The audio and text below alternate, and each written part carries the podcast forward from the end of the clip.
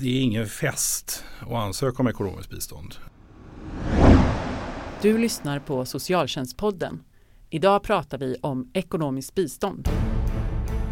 Vem är jag till för som socialarbetare? Står jag på den svaga sida? Står jag på maktens sida? Min kompis sa att om man snackar med så, så tar de barnen. Att spara pengar till statskassan genom att utförsäkra en massa människor. Då biter man sig själv i svansen till slut. Och det är väldigt viktigt för Sverige att socionomer vill arbeta i socialtjänsten. De vill ha en socialtjänst där socialsekreterarna är stolta över sitt jobb. Hej och välkomna till Socialtjänstpodden. Podden för dig som är intresserad av socialt arbete och socialpolitik och som görs av Akademikerförbundet SSR. 44 000 barn lever i familjer med varaktigt låga inkomster konstaterar SCB e och många av dessa familjer behöver ekonomiskt bistånd för att klara sina grundläggande behov. En som forskar på, om utvecklingen av det ekonomiska biståndet är Hugo Strans eh, som är forskare på Stockholms universitet. Välkommen! Tack så mycket! Eh, de socialsekreterare som arbetar med ekonomiskt bistånd de möter ju verkligen en bredd av människor som av olika skäl inte kan försörja sig själva. Eh, och det krävs ju att man kan lite om allt möjligt för att klara jobbet. Ändå så är det ett område inom socialtjänsten som man förväntas vilja lämna så fort man bara kan och som sällan uppmärksammas i forskning. Håller du med om den bilden? Absolut. Eh, det är precis som du beskriver. Det är eh, något som betraktas som ett övergångsyrke eh, eller ett, en övergångsinriktning i det praktiska arbetet och eh, har varit det i princip så länge som jag kan dra mig till minnes. Mm. Så, ända sedan det lyftes in i, i socialtjänstlagen, eller rättare sagt man lyfte ihop de gamla vårdlagarna eh, inklusive fattigvårdslagen då, ihop i socialtjänstlagen så har det ekonomiska biståndet haft, ja, varit något av en liksom, vad säger man, eh, katt bland hermelinerna. Ja. Kan man säga. ja, det är en fin metafor. Ja. Och vad beror det på? Eh, bra fråga eh, som man nog kan dra i långbänk vilket vi inte ska göra. Men eh, jag vet att det var någon eh, som någon på slutet av 80-talet skrev någon eh, avhandling eller eh, LIS-avhandling eller något i den stilen som hade en ganska träffande titel eh, som var Bara pengar? frågetecken. Mm. Och eh, jag tror att det ligger ganska, nu handlade den inte just om, om statusen eh, bland socialsekreterare som arbetar med ekonomiskt bistånd eller den status det ekonomiska biståndet har i, i socialtjänstens verksamhet. Men jag tror att själva titeln fångar lite grann det. Alltså fokus ligger på någonting som är inte särskilt socialt mm. eh, i, i, i, termer av socialt arbete utan det handlar om plus och minus och det handlar om att kunna köpa mjölk och inte köpa knark och sådana saker. Mm. Eh, så, så jag tror att det, själva det faktum att det handlar om att dela ut pengar i någon mening och att pengarna är det drivande bakom varför själva verksamheten existerar överhuvudtaget eh, tror jag är en, en eh, starkt bidragande orsak till det. Och samtidigt så är det ju så att det är ju sällan vi hör om individ och familjeomsorgen i den politiska debatten. Men där kan ändå det ekonomiska biståndet komma in. Senaste valrörelsen så hade vi eh, att man borde dela upp så båda i par får utbetala typ lika mycket så att det inte bara är mannen var underförstått då som får pengar. Eh, och det här med bidragstak, att vi ska sätta någon, man ska inte kunna få hur mycket pengar som helst för att det ska löna sig att arbeta. Mm. Nej men så är det. Jag tror att eh, en bidragande orsak till att Alltså det går att ta, det finns så många, många saker att säga om det där men jag tror att eh, eftersom det bara är pengar eller pengarna är så centrala så är det någonting som är väldigt lätt att förhålla sig till. Eh, det, det, finns en, en eh, given take på eh, pengar och de kostnader det här medför och så vidare. Det är svårare att i en politisk debatt förhålla sig till problem som har att göra med barn och unga till exempel. Mm. Det är också mm. svårt att peka finger och säga att vi ska inte avsätta så här mycket pengar för att hjälpa barn och unga. Barn och unga är vår framtid. Det är också lite väl eh, vad ska vi säga, utstuderat att, att eh, peka finger åt eh, personer som har uppenbara sociala problem av missbrukskaraktär och så. Så att vi ska inte hjälpa dem, de får, får lägga sig ner. Och, de har ju också och, barn. Ja precis, de har också barn. De får, kan lika gärna lägga sig ner och dö. Så det, det, det funkar inte riktigt. Eh, när det kommer till ekonomi och ekonomiskt bistånd så finns det ju på något sätt eh, en, en lathetsaspekt som ligger och skvalpar där mm. De kanske, kan är, de kanske är eh, hos socialtjänsten och ber om pengar trots att eh, de skulle kunna arbeta. Det kanske inte passar dem bara att ta det där arbetet. Och så. så det är en grupp som i den meningen är väldigt lätt att förhålla sig till och att plocka ganska snabba politiska poäng på tror jag. Mm. Hur ser det ut med utvecklingen av det ekonomiska biståndet? Vilka är det som ansöker och vilka är det som får det? Mm. Generellt sett kan man säga om utvecklingen av det ekonomiska biståndet att eh, det är ungefär samma andel eh, hushåll i landet som får ekonomiskt bistånd eh, idag som det var för sig 10 år sedan eller 15 år sedan eller så.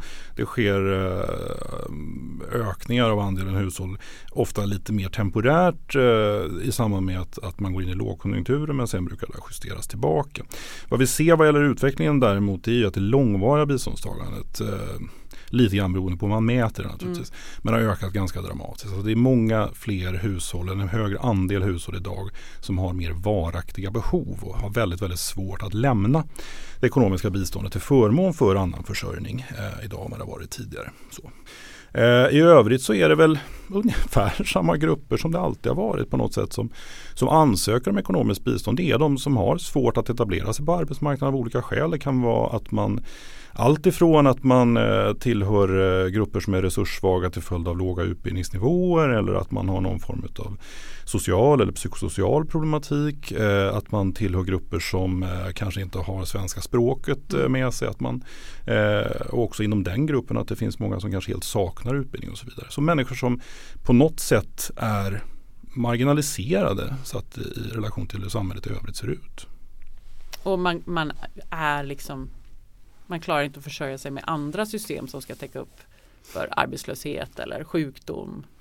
Nej, eh, det gör man ju inte. Eh, de andra systemen är ju inkomstbaserade eh, och för att kvalificera sig för socialförsäkringen till exempel så krävs att du har haft någon form av inkomster och många människor har inte haft det. Mm. Vi har ju trots allt haft en populationsförändring i Sverige under de senaste x antal åren eh, sedan de här socialförsäkringarna eh, instiftades. Så man kan väl säga att eh, socialförsäkringens utveckling och karaktären på socialförsäkringen har kanske inte riktigt följt med mm. eh, i, i eh, hur den svenska populationen har förändrats. Eh, så då blir det ekonomiska biståndet någon slags sista anhalt. Mm.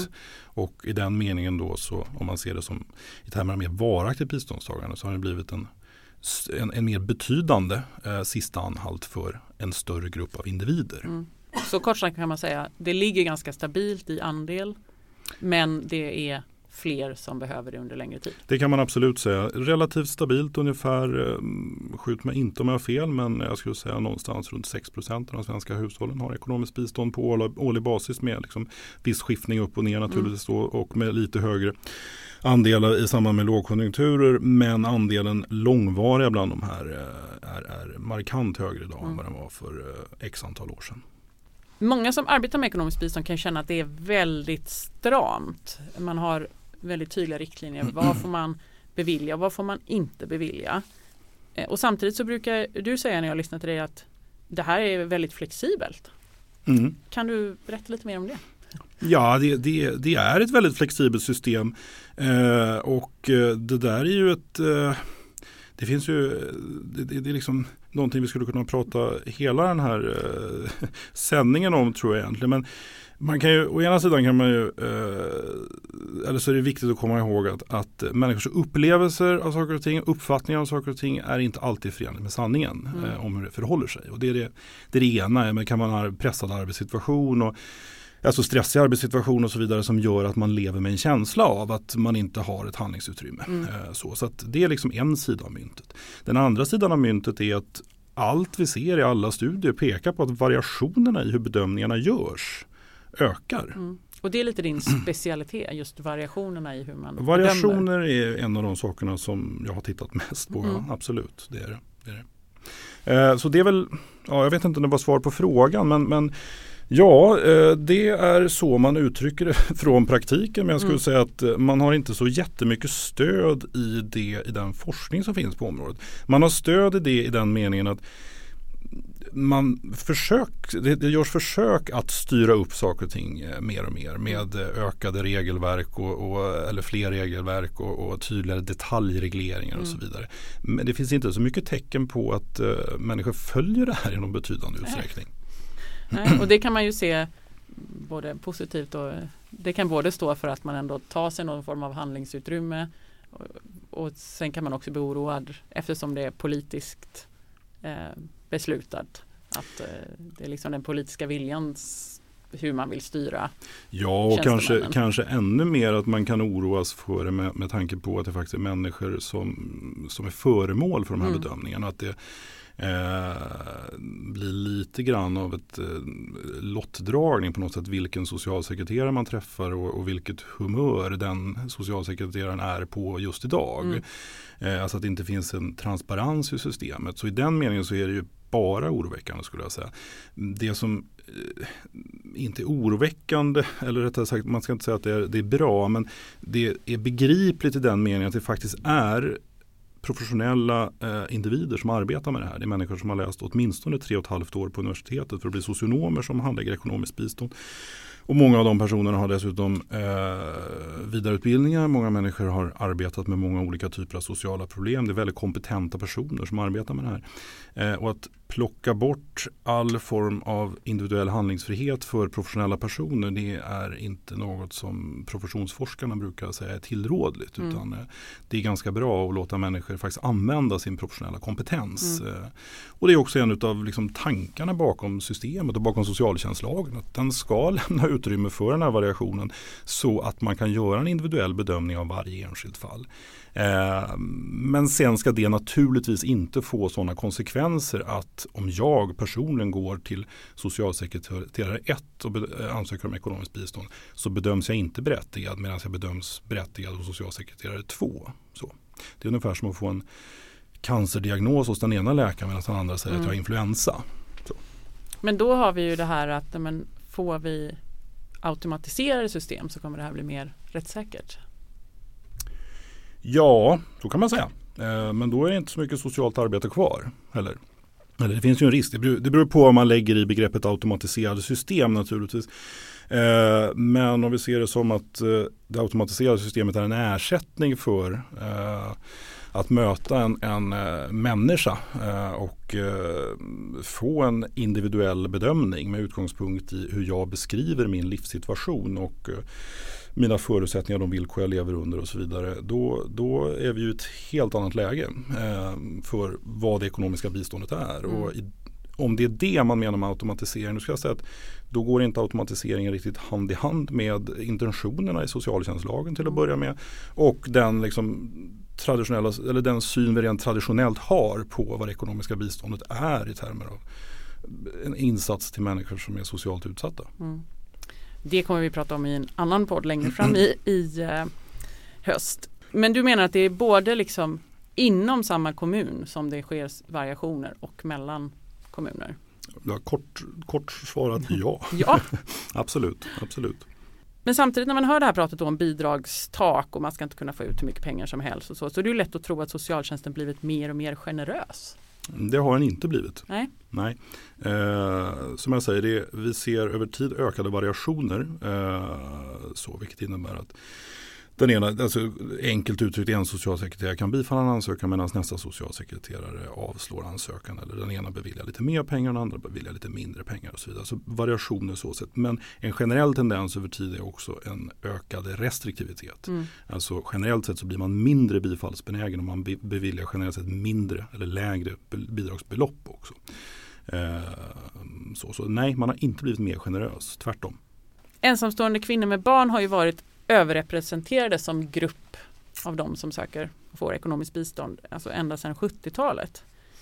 Varför är det så? Jag tror till och med man har varit överrepresenterade sedan 60-talet. Ja. Jag tror att överrepresentationen trädde i kraft så fort kvinnor tog foten ut på arbetsmarknaden i någon eh, mer direkt mening. Eh, Ja, jag har ju forskat ganska mycket kring just ensamstående kvinnor med barn och deras eh, ekonomiska utsatthet och deras mottagande av ekonomiskt bistånd framför allt. Och eh, vad sa du, vad det beror på?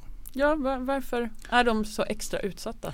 Ja, den, den, eh, lite, lite det roligaste svaret på den frågan är för att de är kvinnor. Eh, och det ligger, det ligger mer än man kan tro i ett sånt banalt svar också. Eh, kvinnor tjänar generellt sett väsentligt mindre pengar än män. Eller väsentligt mindre ska jag säga men man tjänar mindre pengar mm. än män. Eh, man rör sig inom eh, sektorer med ett lägre löneläge. Eh, man tar en större ansvar för barn och övrigt oavlönat hemarbete. och så Man har mindre tid att avsätta för arbete och karriär. och är man dessutom ensamstående då har man ännu mindre tid för det. Mm. så man, man har mindre pengar att röra sig med. och eftersom de övriga trygghetssystemen, socialförsäkringen och, och, och så vidare är är inkomstbetingade så har man också mindre ersättning från systemen. Och av tradition så är man till följd av den här allmänna livssituationen med, med lägre input ifrån eh, yrkesarbete så är man traditionellt sett eh, väldigt beroende av ersättningar ifrån trygghetssystemen och socialförsäkringen. Vilket innebär att försämringar i socialförsäkringen får ganska direkta konsekvenser mm. för eh, den löpande ekonomin. Eh, och vad ska man göra åt det?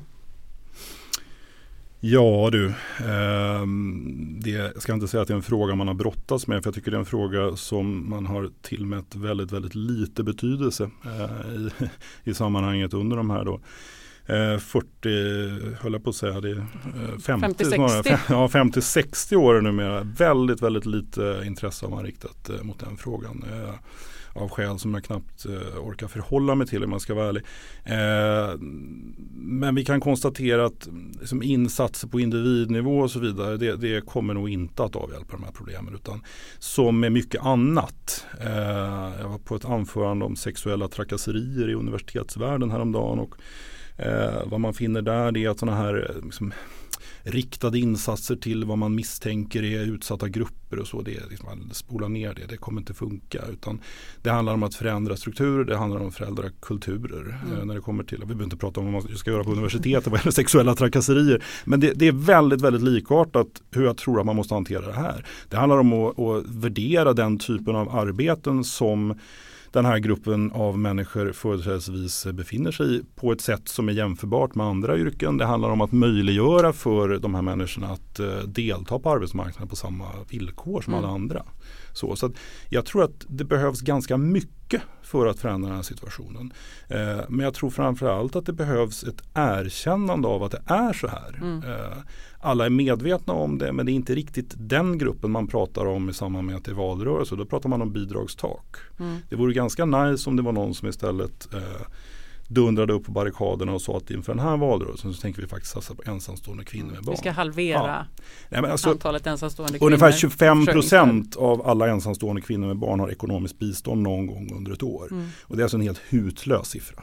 25 procent? 25 procent, mm. mellan 20 och 25 procent. Regeringen då, som vi kan tänka är de som borde göra mer åt den här frågan. De har ju tillsatt flera utredningar just för att få bukt med fusk inom välfärdssystemen. Vad vet vi om fusk inom ekonomiskt bistånd? Att det förekommer, vet vi. Eh, I vilken utsträckning det förekommer, eh, på vilket sätt det förekommer och så vidare vet vi i princip ingenting om.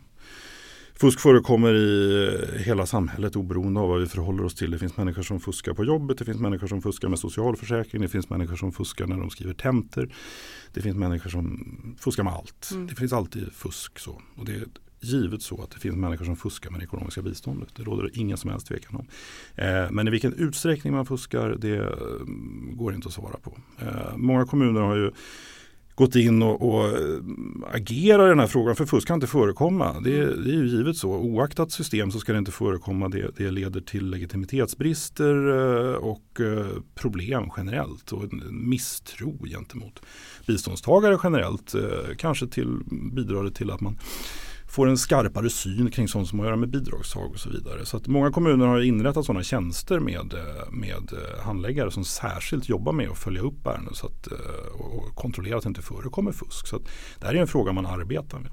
Det är en fråga som är väldigt, väldigt svår att studera när det kommer till rena forskningsstudier. Försök har gjorts, ganska gamla numera och kanske inte just fusk eller det brukar kallas för överutnyttjande snarare ja. än fusk. Då, men det är väl ungefär samma sak. Eh, och trots att det här är ganska daterade studier så är väl den allmänna tendensen, och de är ganska få så man ska inte dra några växlar på det naturligtvis. Men den allmänna tendensen tycks väl vara att det snarare handlar om underutnyttjande av det här systemet än ett överutnyttjande. Eh, så så jag tror inte att det är ett jätteproblem men, men det är bara spekulationer. Mm. Och när du säger underutnyttjande, vad menar du då? Att människor som skulle vara berättigade till ekonomiskt bistånd eh, väljer bort att ansöka om det. Vilket det finns eh, eh, massa orsaker till och, och, många gånger kanske man kan tycka att man väljer bort det på goda grunder också. Det är, eh, det är ingen fest att ansöka om ekonomiskt bistånd. Eh, så det, det, är liksom inget man gör för, för nöjes skull, att det vore kul att få lite, lite extra pengar på fickan. Utan det är en väldigt, väldigt ingående process eh, som man kliver in i. Mm. Eh, och man ska vara redo att lägga ut texten ganska ordentligt om sig, sitt liv, sina planer. Och i vissa avseenden så är det i vissa avseenden. Det är också ett heltidsarbete att, att uppbära ekonomiskt bistånd. Eh, I den meningen att du måste delta i olika typer av insatser. Du måste göra ditt yttersta för att faktiskt bli självförsörjande. Så det är inte så att man går och kvitterar ut pengar och så kan man gå hem och, och käka glass efteråt. Utan det, det, det, mm, det är tufft helt enkelt från mm. början till slut hela processen. Och människor lever hellre på mindre pengar än att liksom toppa upp med någon, någon tusenlapp till? Ja, det tror jag av massa olika skäl så, så kan man se rimligheten i att det förhåller sig på det sättet. Vi pratade om ensamstående kvinnor med barn alldeles nyss. Och det är en grupp där man eh, också återigen då i mindre, väldigt små, småskaliga studier har eh, diskuterat den här frågan. Och det finns ju tecken på att det här kanske till exempel är en grupp där man i ännu högre grad än, än andra grupper väljer bort att ansöka om ekonomiskt bistånd. Av det enkla skälet att den här processen som man ska gå igenom eh, eller måste öppna upp för att gå igenom med eh, en, en total genomlysning av livssituationen kan få konsekvenser för familjen i stort. Mm. Eh, socialtjänsten har trots allt, som det lite slarvigt brukar sägas, rätt att ta barn. Mm. och visar det sig av något skäl att man gör en bedömning att det funkar inte riktigt i den här familjen så, så är man, man är helt enkelt rädd att man ska bli av med ungarna. Mm. och sådana aspekter kan naturligtvis spela en ganska central roll för om man tycker att det är värt att chansa på att få 500 kronor extra. Mm. Eh, även om man är berättigad till det. Mm. Eh, vi har redan pratat lite om automatiseringen eh, och där bygger i alla fall grundidén då att man ska ha tillit till de sökande eh, och bara göra stickprover när det gäller kontroll av inkomster och utgifter. Eh, I många kommuner så ligger ju ekonomiskt bistånd inte tillsammans med resten av verksamheterna som regleras enligt socialtjänstlagen utan man ligger i en annan förvaltning med arbetsmarknadsåtgärder. Um, I Finland så går man, ansöker man hos Pensionsmyndigheten utan att träffa någon. Är det ekonomiska biståndet på väg ut från socialtjänsten? Jag Även i Sverige? Det hoppas jag verkligen inte. Eh, tror jag, man ska inte säga att eh, det vore det värsta som kan hända. Det finns väldigt många hemska saker som kan hända i världen. Men eh, om vi ändå förhåller oss till, till socialtjänsten och dess verksamhet så tror jag att det vore ett av de dummaste besluten man kunde fatta.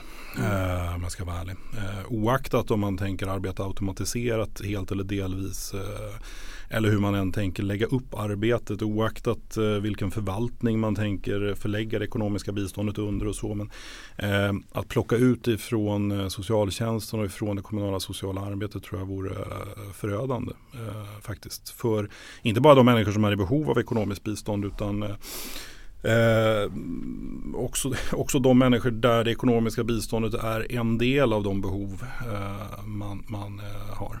Så, att, eh, det hoppas jag verkligen inte att vi, att vi är på väg mot det. För det skulle innebära också en ganska ordentlig avprofessionalisering eh, av det ekonomiska biståndet. Eh, och med tanke på Visst, vi har grupper som vi var inne på tidigare här som uppbär ekonomiskt bistånd idag som är nya så att säga som socialtjänsten inte tidigare arbetat med. Och det kanske är så att man har inget annat problem än att man saknar pengar. Mm. Men vi har också samma grupper som vi alltid haft, alltså de som har ordentliga sociala problem. Eh, mer eller mindre väldefinierade. Eh, och eh, att lida brist på pengar är det som är, blir mest akut. Det är mer sannolikt att jag uppsöker socialtjänsten till följd av att mina pengar inte räcker än att jag mår lite dåligt eller att jag känner att eh, nu har jag nog krökat för hårt eller eh, jag klarar inte av mina barn eller så. Utan, eh, man kommer till socialtjänsten när man är i behov av pengar vilket innebär att du behöver ha professionell personal med betydande generalistkompetenser som tar emot och handlägger ekonomiska biståndet. Inte för att räkna plus och minus, det kan vem som helst göra. Mm. Eh, bedöma, eh, bedöma vilken nivå man ska ha. Men du har dels då själva bedömningsaspekten vad gäller rätten till ekonomiskt bistånd som är en viktig och central del i, i det sociala arbetet med ekonomiskt bistånd. Men du har också den här mer skannande funktionen och eh, kartläggande funktionen eh, av hur människors livssituation i stort ser ut också. Eh, och där är man jättecentral för socialtjänstens verksamhet i stort. För att kunna skicka vidare till? Absolut, absolut. För att, Finns kunna? För att, kunna, för att kunna hantera sånt som har att göra med våld. Eh, för att kunna hantera sånt som har att göra med eh, problem som inte är kopplade bara till våld då, men som eh, barn i familjer har. För att kunna jobba vidare med eventuella missbruksproblem eller andra icke-diagnostiserade psykiska problem och ja, vad som helst i princip mm. som, som socialtjänsten har i uppdrag att arbeta med. Till sist då så har Akademikerförbundet SSR ett kongressuppdrag att värna det sociala arbetet inom arbetet med ekonomiskt bistånd.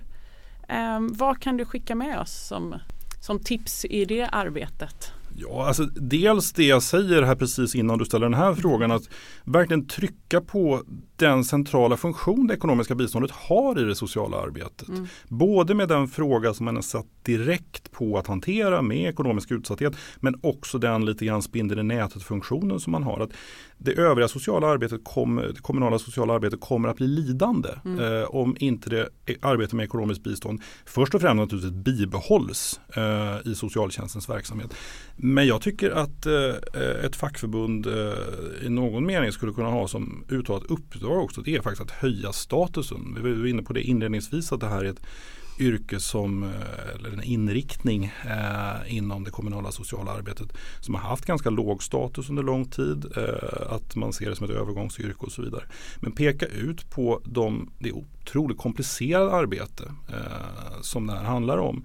Eh, och trycka hårt på det. Var, en, en, bidragande, ta, ta, flaggan för att vara en bidragande orsak till att det här är ett, eh, en inriktning och en arbetsform som, eh, som ges ökad status. Mm. Det tycker jag att man borde göra från SSRs sida. Det tar vi med oss. Tack för det eh, och för att du var med oss idag. Eh, vi hörs igen om två veckor och tills dess, tack för att du har lyssnat.